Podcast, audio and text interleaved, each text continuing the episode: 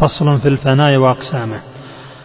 إن الفناء منه صحيح المعنى وهو الفناء عن إرادة السوى وذا هو الفناء بالإخلاص له وبالشرع عن المعاصي.